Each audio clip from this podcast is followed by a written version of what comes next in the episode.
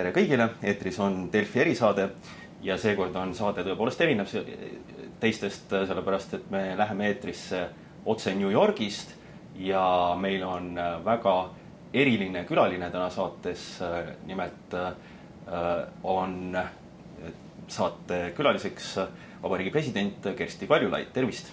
tervist! ma aru, et hästi oluline ikkagi absoluutne läbipaistvus, et me vist natuke lindistame ette seda saadet ja siis ta läheb eetrisse, on nii jah? päris otse ei ole ähm,. aga äh, tegelikult äh, me teeme seda selle tõttu, et äh, parasjagu on siin käimas ÜRO Peaassamblee ehk siis iga-aastane ÜRO niisugune kõige tähtsam nädal ähm, see toob kokku maailma liidrid ja, ja esimest korda on tõepoolest inimesed ka kohapeal äh, peale pandeemia aastat.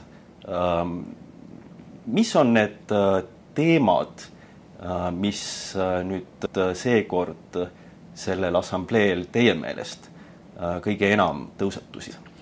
no peasekretär on pidanud väga oluliseks kutsuda inimesi jätkuvalt üles muidugi vaktsineerima maailma ja ma arvan, et, et arenguriikidel ongi põhjust olla mõnevõrra mures, sellepärast et äh, ikkagi seal on vaktsineeritute hulk väga väike, et kuidas me ometi ei mõista, et me ei saa sellest välja, enne kui kõik saavad sellest välja.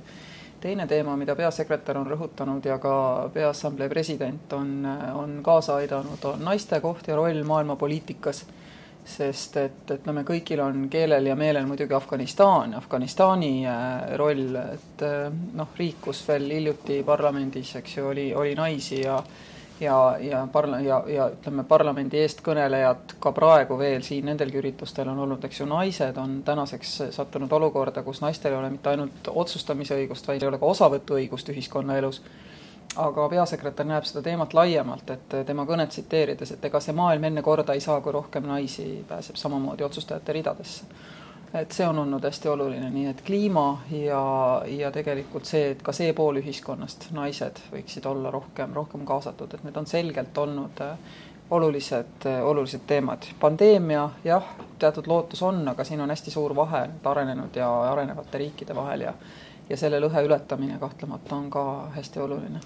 tegelikult pandeemiast äh, rääkides, et äh, seda mainisite ka oma riigikõnes, äh, mille pidasite ÜRO ees. ma rohkem rääkisin sellest varjujäävast shadow pandemic'ist selles mõttes, et mis on siis see, et kui me kui me, meil on, eks ju, kolm miljonit inimest on selle viiruse pärast surnud, aga meil on sada kakskümmend kolm miljonit inimest langenud absoluutsesse vaesusesse ja teades, mida tähendab absoluutne vaesus, see kindlasti tähendab, et nende hulgas võib olla aasta pärast rohkem kui kolm miljonit, kes on hukkunud selle pärast. et sellest äh, varju jäävast osast pandeemiast räägitakse võrdlemisi vähe, et kõik äh, ÜRO kehandid, kes koguvad äh, statistikat ja püüavad ennustada, mis juhtub, ütlevad, et nälg kasvab maailmas naiste ligipääs haridusele on oluliselt kannatanud, paljud tüdrukud, kes on saanud pandeemia ajal teismeliseks, ei lähe enam üldse kooli, sest nad noh, pannakse mehele, et oleks odavam, eks ole. Äh, juhtuvad äh, muud hirmsad asjad, et, et, et sellest on hästi palju siin juttu olnud. et see varju, varju jääv osa pandeemiast, jah, see oli ka minu jaoks noh, tänavu see ongi see, millest me tegelikult peame palju rääkima mm.. ma tulen selle tagasi veel äh, kindlasti selle, selle varjujääva osa juurde, aga küsides nagu kitsamalt äh, nende vaktsineerimise kohta, mida ka mainisite kõigepealt, et et, ähm, et ka vaesematel riikidel on see väga väike olnud, et et noh, Eesti panustab, Euroopa Liit panustab väga palju ähm,, ähm, aga kas ütleme, kas teie meelest teevad riigid, kellel on need ressursid, vaktsiinid äh,, Äh, kõik endast oleneva, et, äh, et ka nii-öelda ülejäänud maailm pääseks sellele ligi? no ühelt poolt võib öelda, et ei tee, teiselt poolt me oleme ka harjunud sellega, et meil on ettevõtlusvabadus ja ütleme, ettevõtjad, kes on investeerinud teatud ressursi selleks, et noh, saada tulu oma investeeringult, neil on ka teatud õigustatud ootused. mistõttu see ongi arusaadavalt keeruline, et keegi ei saa anda korraldust ettevõtjatele oma intellektuaalne omand ära anda, eks ole. et selle saab ainult kinni maksta aga, aga noh, see kõik võtab aega, need läbirääkimised, eks ju. et on ka selge, et ettevõtjad ise, eks ole, noh, mõistavad, et nagu suuremad turumahud on ju ka neile pikas perspektiivis kasulikud ja nad vähehaaval, eks ole, noh, me tegelikult nägime seda ju ka pandeemia algfaasis, et kui mitte muutuda protektsionistlikuks ja lasta turgudel siiski toimida, siis noh, kuue kuu pärast ei olnud enam mingit maskipuudust ega, ega kitlipuudust ega kaitseprillide puudust. ehk et ühelt poolt jah, kiusatus on nagu suur minna reguleerima, eks ole, aga teiselt poolt kõik saavad aru, et mida vabam on turg, mida vähem on protektsionismi ja administratiivset sekkumist, seda kiiremini me tegelikult sellest puudujäägist välja tuleme, eks ole. aga see ongi see dilemma koht, et me saamegi maailmas väga erinevalt aru, et mis see lahendus on, eks ju. mina kindlalt toetan seda, et see ikkagi peab olema nagu ütleme, ettevõtete õigusi austav lahendus. ja ma olen täiesti kindel, et noh, aastaga viiakse tootmine sellisele tasemele ja tuuakse hinnad ka sinna, et tegelikult kõik saavad äh, vaktsineeritud. ja need, kellel tõesti ei ole vaktsiinide eest tasumiseks raha, siis selle jaoks meil ongi arenguabi, nii Euroopa Liidu oma, ÜRO oma, iga riik kahepoolselt. ka Eesti juba ju panustab null koma kuusteist protsenti oma rahvamajanduse kogutoodangust, eks ole, mitte SKT-st, vaid, vaid RKT-st äh, arenguabile, nii et, et noh, selles mõttes äh, lahendusi on, aga Äh, korralduste kaudu majanduse juhtimine ja oma olemuselt on vaktsiinide käst-, kättesaadavus ikkagi majandusküsimus, eks ole. et noh, see oleme, me, ma arvan, meie oleme väga ettevaatlikud siin osas, loomulikult on neid, kelle jaoks noh, asi on väga lihtne, andke käsk. noh, meie leiame, et vaba majandus, kes suudab turunõudlusele alati vastata, äh, et tõenäoliselt toimib nagu paremini mm. -hmm. ÜRO peasekretär ähm, oma väljaütlemistes äh, ka jälle väga palju puudutas äh, kliimamuutuste teemat äh, ja, ja selle mõjusid ja, ja ka teie kõnes oli väga äh, niisugune äh, hoiatav lause äh,, mis ütles, et kui me täna ei tege, tegutse sel teemal, siis hakatakse seda momenti nimetama sisuliselt lõpu alguseks. Ähm, et äh, kas, kas näete, et see, see nagu läheb üle maailma ei tea, et äh, ausalt öeldes eestlasena on jube paha kliimast rääkida, sest et noh, täna siin trehvasin ka Jeffrey Sachsi, kes ütleb, et Eesti on nagu nende maailma arengueesmärgide SDG-de nagu täitmisel noh, neil on kuskil saja seitsmekümne riigi kohta andmed kümnendal kohal. see ainus valdkond, kus me tõsiselt nagu äh, ei, ei päde, on äh, kohanemine kliimamuutustega ja, ja roheline pööre. Et, et siin on meil ruumi nagu toimetada, nii et eestlasena on seda nagu paha isegi sellel teemal seetõttu äh, sõna võtta. aga kahtlemata Ähm, tuleks kõigile kasuks, kui me sellesama, me nägime seda sellesama ühe aasta jooksul, et kui nagu kõik keskenduvad ja toovad mängu väga suured ressursid, siis on raha eest võimalik muudatusi palju kiiremini saavutada kui me oleks iial arvanud, eks ole. sest noh, muidu tundus, et vaktsiinide väljatöötamine on mitmete aastate protsess, aga tegelikult tuleb välja, et see oli osaliselt tingitud ressursipuudusest selles tegevuses, ehk et panustades rohkem ressursse, võime kiiremini saavutada kliimaneutraalsuse. ja, ja kokkulepped ju on, et me seda teeme. aga vaatame ka korraks näiteks meie enda kodusel näitel, et mismoodi me seda teeme et täna on väga palju neid ka poliitikuid, kes ütlevad, et süüdi on rohepööre ja CO2 hind. aga see ei ole nii, sõbrad, me nägime viisteist aastat tagasi, et see asi tuleb. et Euroopa Liit on nagu tõsiselt võtnud need kliimaeesmärgid käsile, täna on kuuskümmend protsenti maailma majandusest on kaetud mingisuguse kliimalubadusega. miks me arvame, et meil on nagu ruumi mitte investeerida ettevaatavalt? Esimesed ju võidavad, tagumised maksavad. meil on see kogemus digivallas olemas ja ma ju lisaks ka Eesti geenivaramu, mille me saime üli noh, ütleme odavalt, sest me tegime teistest kiiremini neid asju. ja täna öelda, et süüdi on rohepööre, kui süüdi on tegelikult see, et noh, kui kaua on käinud Heiti Hääl ja öelnud, et ta tahaks teha viiesaja megavatise äh, pumpla selleks, et meil oleks salvestusvõimsust. Eesti Energia liigub oma viiekümne megavatise projektiga, samamoodi on ju noh, üliaeglane, üliaeglane, samamoodi, eks ju, väga raske on äh, ka poliitikul vaadata valijale silma, öelda, et kui me neid tuuleparke ei tee, siis elektri hind tõuseb. kuigi see oli ju ettenähtav ja nii see juhtus. ja noh, nüüd öelda, et süüdi on kliimapööre, meil oli, meil oli aastaid antud aega, me teadsime, et see juhtub. meie enda otsustamatus, ehk et seesama asi, see kolmkümmend aastat Eesti arengut ei ole juhtunud, seda on juhitud.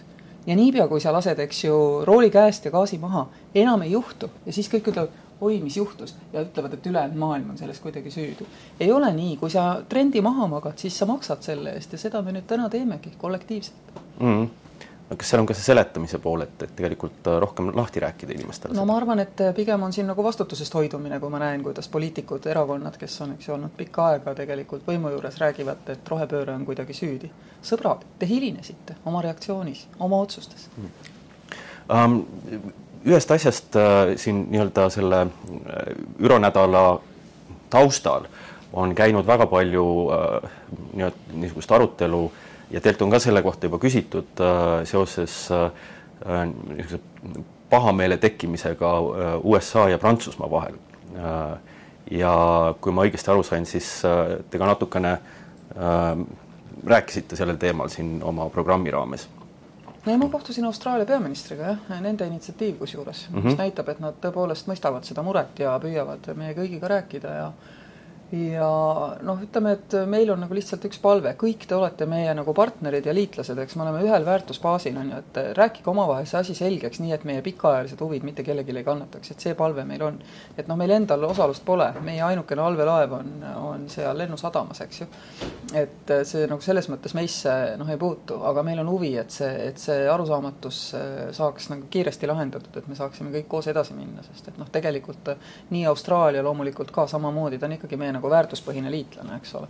et eh, see ei ole mugav olukord meile, aga, aga meie ülesanne on lihtsalt paluda nagu kõigil asjaosalistel, meenutades, et meie neid usaldame kõiki, et nad suudavad selles asjas edasi minna, nagu see olukord siis lahendada mm..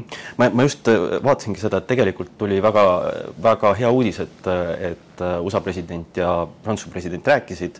Nad sisuliselt, kui seda nii-öelda avaldust äh, lugeda, minu meelest loeti lõppenuks sisuliselt see, see tüli äh, ja, ja minnakse edasi. Äh, aga seal oli üks väga huvitav koht, mis puudutas Euroopat, kus siis president Biden ütles, et, et USA tunnistab siis tugevama ja võimekama Euroopa kaitse tähtsust, mis Äh, panustab positiivselt transatlantilisse ja globaalsesse julgeolekusse ja on äh, lisandus, lisanduseks äh, NATO-le, et et kas see on niisugune, niisugune viide sellele, et Euroopa või, või peaks tegema siis midagi rohkem oma mulle tundub, et see on pigem nagu läbimurre selles osas, mida me oleme nagu püüdnud ka seletada noh, ütleme päris palju ka siinpool, kuna seda ei ole väga hästi mõistetud, et noh, loomulikult ka teisel pool, kui vehitakse suurte loosungitega, aga praktilisi samme on nagu vähe, see strateegilise autonoomia küsimus, et et, et tegelikult ikkagi Euroopa, nimeta seda, kuidas tahad, aga globaalsed riskid ei ole enam meie regionaalne risk. Meie regionaalne risk on üks Hispaania suurune majandus, eks ole, kes noh, küll saab aru, et võimaluste aken nagu aheneb, püüab teha asümmeetrilisi noh, huvitavaid samme selleks, et siis nii maailma keerata noh, endale sobivaks, mis on võimupõhine, eks ole, mitte õigustepõhine. et see ei ole enam globaalne risk, et Ameerika Ühendriikidel ja meil kõigil on vaja mõelda nagu laiemalt, eks ju, geopoliitikast ja eurooplased tõepoolest peavad võtma vastutuse omas regioonis ja ma ei mõtle isegi ainult Venemaad, aga ka lõunatiib, eks ole, Aafrikas toimuv ja Vahemerel toimuv. see on meie vastutus meil peavad olema võimekused, et noh, veel kord, et äh, ma seda nii palju tsiteerinud, kui uus komisjon astus ametisse, Borrell tuli äh, ametisse kõrge eriesindaja välisküsimustes, siis ta ütles Münchenis ühe, ühe lause, ütles, et kui Euroopa tahab olla nagu oluline, siis tal peavad olema ka võimekused ja need Euroopa võimekused ju ei ole väljaspool NATO-t, nad on ikka NATO-s, eks ole. et, et, et mulle tundub, et siin nüüd oligi, ongi siis nagu saavutatud selles mõttes nagu parem arusaamine ja mõistmine, et jah, eurooplased tõepoolest peavad võtma vastutust ja, ja me ei ole ju kunagi näinud seda noh, kui millegi, ütleme, paralleelse NATO nagu ehitamisena, vaid just nimelt ikkagi nagu NATO sees, eks ju. Ja, ja see lause mulle näitab, et siin on nüüd saavutatud võib-olla mõningane selline paranev, paranev mõistmine, et noh, miks me mi,, et mis me vaidleme sõnade ja meetodite üle, see, mida meil on vaja, on see, et Euroopa oleks võimekam sõjaliselt. et vabastada ressurssi ka Ameerika Ühendriikidel toimetamaks kuskil mujal maailmas. Mm.. ÜRO äh, nädala juurde tulles, et äh, see on ka teie viimane äh, ÜRO külastus riigipeana arvatavasti, et see. ei tea sest et äh, võib-olla viie aasta pärast, mine tea, juhtub. me ei tea, ma ei oska sellele küsimusele kuidagi vastata täna. see on väga huvitav viide ähm,. Ähm, ma tahtsin küsida seda lihtsalt, et, äh, et äh, meil on tegelikult olnud äh, viimased kaks aastat täita väga vastutusrikas roll, mõned kuud veel. me oleme olnud ÜRO Julgeolekunõukogu liige. Te ise panustasite sellesse tohutult, et, et me sellesse jõuaksime, vedasite seda kampaaniat tegelikult äh, nüüd on võib-olla nagu kohane küsida, et, äh, et kas paistab, et me oleme hakkama saanud, oma eesmärgid täitnud äh,. kuidas teile see, mis hinde te paneksite? eesmärke, ma paneks kümne kaheksa palli süsteemis äh, siinsele meeskonnale eriti. tähendab, eesmärke oli ju palju, esiteks selles kampaanias me tegime kogu aeg tegelikult äridiplomaatiat, eks ole, meie, meie meie, meie ütleme, digitiigritel oli hästi palju võimalust tegelikult osaleda ja me teame, et sealt on tulnud päris palju. teine asi, mis sellest sündis, on Eesti-Aafrika strateegia, mis võimaldab meil näiteks Euroopa lõunaliitlastele näidata, et me saame nende muredest aru, me üritame tegeleda juurpõhjustega, on ju. meil on Aafrika Liiduga kahepoolne memorandum, eks ole, kõiki neid asju tõenäoliselt ei oleks olnud, kui Eesti Julgeolekunõukogusse ei oleks tahtnud saada. midagi ei ole teha tänu sellele, et meil oli ka konkurents, et noh, see oli tõesti nagu jooks kuni finišini, on ju. Me tegelikult ikkagi väga palju pingutasime ja juba sellest kampaaniast oli kasu. Äh, nüüd, kui me mõtleme sellele, et mis olid meie lubadused, et me lubasime oma valijatele, et me toome küberteemad Julgeolekunõukogus laua taha. me ei teadnud, kuidas meil õnnestub seda teha, aga meeskond, ma ütleks oportunistlikult, noh, leidis need viisid nagu valmistada pind ette, et kui oli see võimalus, siis see Gruusia vastu tekkinud nagu küberrünnak siin jutuks võtta, siis kohe oli meil võimalik seda nagu teha. ja sealt edasi siis noh, kohe hakkasime jälle ehitama, ei olnud kohe võimalik teha Äh, ametliku agenda põhist arutelu selles küsimuses, aga toimus seal mitteformaalne arutelu ja vaikselt-vaikselt veeti asi sinnamaani, et lõpuks äh, noh, oli B5 sunnitud ka või siis äh, need liik-, alalised liikmed olid ka sunnitud tunnistama, et tõepoolest on aeg küps, et ka Julgeolekunõukogu nagu mõistab seda, et, et küber, küberkallaletungid on vähemasti konventsionaalse konflikti puhul noh, üks osa, millega me peame igal juhul nagu ka tegelema, eks ole. et, et see on asi, mille me tegime ära ja, ja, ja noh, selle eest meid kogu maailm tegelikult nagu täna ka tunnustab, eks ole, me tegime selle tegelikult ka ära. loomulikult mitte üksi, samal ajal toimisid ju needsamad töögrupid, eks ole, siin ÜRO-s, mis noh, pidid kuhugile maale jõudma, aeg oli ka küps, eks ole, me just kasutasime selle hetke ära, on ju. me oleme võtnud endale vastutust, noh näiteks seesama Afganistani fail, eks ju, Lõuna-Sudaani fail Prantsusmaaga, Iriini missiooni läbirääkimine, kõik on keerulised teemad me oleme seda vastutuse võtnud ja me oleme selle hästi välja kandnud, sest Eestil on üks tohutu eelis. me oleme peaaegu kõikides maailma tulistes aruteludes, kui välja arvata Ukraina, Valgevene ja Gruusia küsimus, mida me ka järjekindlalt siin, eks ju, tõstame, oleme me neutraalsed kõrvaltvaatajad. ja see on tegelikult väärtus. et noh, Eesti, eks ole, olemata nii suur kui Šveits aga siin selles Julgeolekunõukogu, eks ju, kohapealses väitluskontekstis mingis mõttes on paralleel nagu põhjendatud. aga see näitab meie diplomaatide, siinsete diplomaatide nagu tarka tööd ja visatööd. ja ma olen ka näinud mõnikord neid Whatsappi jookse, eks ole, kus siis arutatakse, mida arutatakse, see on nagu väga, väga mõjus. ja see on mõjus veel ka sellepärast, et nüüd on meie diplomaatilises mälus olemas see teadmine ja oskus, kuidas tegelikult Julgeolekunõukogus asjad toimivad. sa ei või iial teada, millal sul seda on vaja mm.. seda tuleb alles hoida, tuleb iga hinna eest nagu alles hoida, talletada ja, ja noh, loomulikult eks ta areneb ja muutub, aga sellelt baasilt on võimalik ka edaspidi ikkagi seda mõistmist äh, minu arvates hoida. ja, ja viimane aspekt, minu arvates see on oluline, et äh, meie diplomaadid said nagu sellise väga konkreetse suure väljakutse, mis äh, noh, sundis nagu mõtestama seda, mis see Eesti koht üldse maailmas on. et see oli mulle isegi üllatav, kui lihtsalt eestlased aktsepteerivad, et meil tuleb panustada oma sõjaliste jõududega rahvusvahelistes missioonides, eks ole.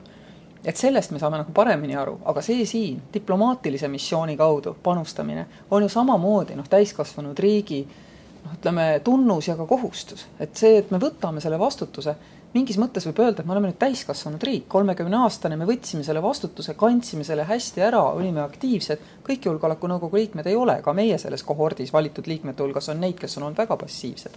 meie olime aktiivsed ja see on mm. oluline. me oleme riigina nüüd täiskasvanud, siin ka. jõudes äh, natukene ähm, teise, teise teema juurde äh,, siis äh, ähm, kui ma ütlesin, et, et riigipeana on, on seekord viimane ähm, visiit, siis äh,, siis äh, tegelikult ÜRO-ga jääte te seotuks ähm,. sellepärast, et, äh, et ÜRO peasekretär nimetas teid suvel äh, naiste ja laste üleilmseks äh, eestkõnelejaks.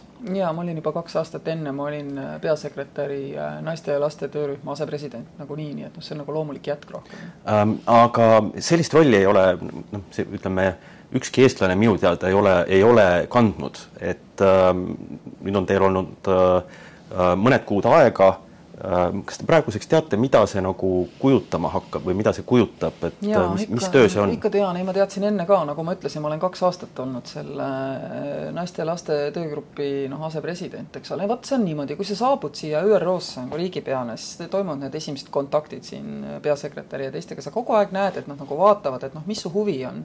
et kas sul võib olla nagu laiemat huvi, kas sul võib olla mingit väärtust nende inimeste jaoks siin, kas sa suudad kuidagi sobituda nende eesmärkidesse. ja noh, samamoodi kampaania kontekstis kontekstis meil oli õudne huvi ka siin nende ÜRO kehanditega rohkem siiski noh, tegeleda ja, ja olla, olla nii-öelda pildis ja ja, ja kui nad näevad, et sul on nagu söakust ja sõnakust ja sa julged rääkida ja sa võib-olla veel ka räägid, noh, suhteliselt sõnastad keerulisi asju üsna lihtsalt ja sa ei pelga, et siis need pakkumised nagu juhtuvadki. et äh, niimoodi see nagu ma arvan, et toimibki et ega, ega siis ütleme, selgeid sõnastajaid, kes tahaksid ka võtta keerulistel teemadel sõna, ei ole üldse palju Äh, kes seejuures ei ole noh, ütleme oma riigi kesksed liiga, vaid on nagu tahavad seda laiemat äh, panustada, on ju, et, et, et noh, seda on nähtud ja sealt see tuleb tegelikult, eks ju. et see on just see naiste ja laste roll, äh, noh, see on, see on, see on sellepärast, et ega ei ole ka ennem olnud äh, noh, nii suurt ma näen, kuidas ka Antonio Guterrese enda peas nagu see ja, ja, ja aastate jooksul nagu see, see tähtsus sellele, just seesama, kuhuni ta siis nüüd on arenenud tänavu selles oma kõnes välja, et et ega me enne seda maailma korda ei saa, kui nagu teine pool ühiskonnast, mis on naised, ka kaasa rääkida, eks ju, saab. Et, et sealt see on tulnud, et tegelikult on, roll on lihtne, meil on äh, palju organisatsioone ÜRO-s, kutsutakse H6, eks ole, mõned on rahaga, mõned on rohkem sellised äh, projektiorganisatsioonid kes, kes siis Maailmapank, UN Women, UNAID, kes, kes teevad maailmas hästi palju head tööd, igaüks eri nurgast, selleks, et nagu naistel ja lastel oleks noh, selge koht ühiskonnas, nad oleks kaitstud. ja seda tööd on vaja koordineerida. ja see on üks pool. teine pool on nüüd see, et just seesama asi, selleks, et, et see küsimus oleks esil, peab keegi sellest kogu aeg kõnelema. ja noh, see on just see, miks just nagu global advocate, eks ole, eestkõneleja et äh, peasekretär teab, kui ma lähen pulti, siis ma ei räägi üle aja, pigem lühemalt, aga ma räägin nii, et kõik saavad aru ja kuulavad. see on see, mida ta mult ootab. käia, julgeda rääkida, nii et kõik saavad aru mm. -hmm. kas on ka kas on ka nendelt nii-öelda organisatsioonidelt? ja, ja me siin... oleme nende kõikide juures käinud, me koostame ju konkreetse ikkagi sõiduplaani, et kuidas me see kaks aastat sisustame. ja me oleme neile kõigile öelnud, et teie andke, noh, need on teie eesmärgid, mis on teil on olemas, et me ei hakka siin jalgratast leiutama, eks ole et, et pakkuge meile välja, mis on need teie põhilised üritused, kohad, kus me saame kaasa aidata, kas on vaja kuskile kohale minna, et näidata maailmale, mis toimub, on vaja kuskil raha tõsta, eks ole, mingeid selliseid asju. et öelge meile. Ja, ja nad kõik teavad, et me oleme avatud nendega koos töötama, eks ole, ja noh, mitte ainult see H6, et noh, täna oli meil juttu siin UNICEF-iga, eks neil on siin näitus väljas, nad palusid mult väikest kommentaari sellele noh, UNICEF-i poolt välja toodud probleemile, et lapsed ei ole koolis, küsisid ka, miks just UNICEF minu arvates on hea selle teemaga tegelema. ja, ja, ja ka pärast nagu küsisime, et, et kas te tahaks teha koostööd, nad ütlesid, nad tahaks, eks ole, nii et, et et selline see ongi ja see tundub võib-olla noh, see on natuke see, et suurte organisatsioonide puhul, kui sa suudad millimeetri nihutada, siis lõpuks muutub väga palju, et, et noh, Eestis on, me oleme harjunud pikkade sammudega nagu astuma, eks ju. ja siis tundub see millimeetri nihutamine nagu hästi ebaoluline. aga olles kaksteist aastat Euroopa Liitu äh, teeninud, siis ma tean, et suurtes struktuurides võtab aega, aga kui lõpuks nihkub, siis äh, see muudatus on igal juhul nagu oluline. aga kas on, kas on Äh, tekkinud mingisugune nii-öelda noh, ma ütlen, see probleem äh, või, või neid teemasid, mis selle, selle tiitli alla kuuluvad, võib vist väga palju välja tuua? ei, me oleme selgelt peale algust öelnud, et me valime mõned prioriteedid, üks on, on, on toit, sest lihtsalt nii uskumatu, kui see ka ei ole, aga maailmas nälgib täna rohkem inimesi kui siis, kui see eesmärk seati, et kaks tuhat kolmkümmend enam nälga ei oleks, eks ole. teine on emade suremus eks ju, siis äh, sünnituseelselt järgselt. see on suur probleem. ja kolmas teema on, see tuleneb nüüd sellest, et noh, ikkagi Eesti asja tuleb ka ajada, et noh, me oleme välja pakkunud päris mitmeid ideid, kuidas saaks kasutada tehnoloogiat ja andmestikku selleks, et paremini juhtida sedasama toidujulgeoleku küsimust ja sedasama kas või emasuremuse juhtumist, küsimust, eks ju, analüüsida. maailma, seal Maailma Tervishoiuorganisatsiooniga, see on, Genfis, arutasime seda, et et noh, meil on olemas ühene, üheülbane statistika, et noh, suremus selline, aga seal taga on hästi erinevad, riikidel on hästi erinevad põhjused ja me peame ka vaatama, et meie nagu pingutused ei adresseeriks noh, mingit kohta, mis tegelikult ei olegi selles riigis konkreetselt pudelikael, eks ole, et, et noh, selleks aitaks andmetöötlus ja andmeanalüüs kõvasti kaela. kaasa, ma olen ka välja pakkunud ühe idee, et noh, terves maailmas võiks saada kõik emad registreerida oma lapse sünni üle, üle nagu mobiiltelefoni, et võtad telefoni, registreerid, eks ole et noh, meie Eestis saame seda teha, aga on vaja inspireerivaid näiteid mujal maailmas ja on riike, kes tegelikult on loomas ka arenguriikidest päris tugevat digitaalset arhitektuuri, Keenia, Bangladesh, eks ole. et noh, innustada neid siis astuma see samm, mis võiks jälle innustada siis teisi omakorda, eks ole järgmist sammu tegema, et, et sellist globaalset koordineerimistööd jah, on päris palju mm. -hmm. Ähm, aga lühidalt veel tahtsin küsida äh, noh, Afganistani kohta, mida ka mainiti ja noh, juba ka ütlesite, et Afganistanis on, rääkisite oma kõnes, ütlesite ka siin, et Afganistanis on seda muret väga palju ja näha, näha seda, kuidas saavutatus minnakse tagasi äh,, noh, on kurb äh,. et äh, kas, kas midagi on võimalik äh, seal ka naiste ja laste heaks nagu peab olema, et on siin ka eile Charles Micheliga osalesime ühel üritusel koos, kus seda sai arutatud ja siin on veel selliseid noh, kõrvalüritusi, need toimuvad virtuaalselt, aga neid siiski toimub, et Afganistani teemas, teemalised on ühed olulisemad, et peab olema, et noh, täna oleme me seal kohas ilmselgelt, kus äh, noh, ütleme, ei ole võimalik Talibani survestada ei sellega, et muidu katkestame humanitaarabi või noh, mul on siin ka inimesed on rääkinud, et noh, näiteks, et alguses nad ütlesid, ÜRO kehandid, et kui naised ei või töötada, siis keegi ei tööta.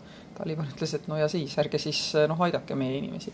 et noh, täna saavad, vaat see rahvusvaheline äh, institutsioonide nagu võrgustik on ka selline, et on need, kes toimetavad klassikaliselt seal noh, kus ongi kokku lepitud, et me nagu väga tingimusi ei sea, Punane Rist, eks ole, UNAMA, ÜRO, ÜRO no, maaesindused, eks ole, nemad ei sea väga tingimusi, nad teevad igal juhul, kui lastakse, eks ole, midagigi teha, on ju. ja siis me liigume edasi, eks ju, järjest selliste tingimuslikemate kehanditeni, kus siis noh, me saame töötada juhul, kui meil on võimalik teisele poolele noh, mingit porgandit pakkudes midagi vastu saada. täna me ei ole seal põhjusel, et lihtsalt see meie alghüpotees, et mis nüüd hakkab Afganistanis juhtuma, niivõrd kapitaalselt nagu kukkus läbi, et me ei ole tegelikult uut nullhüpoteesi üldse suutnud püstitada, aga kõik märgid on halvad.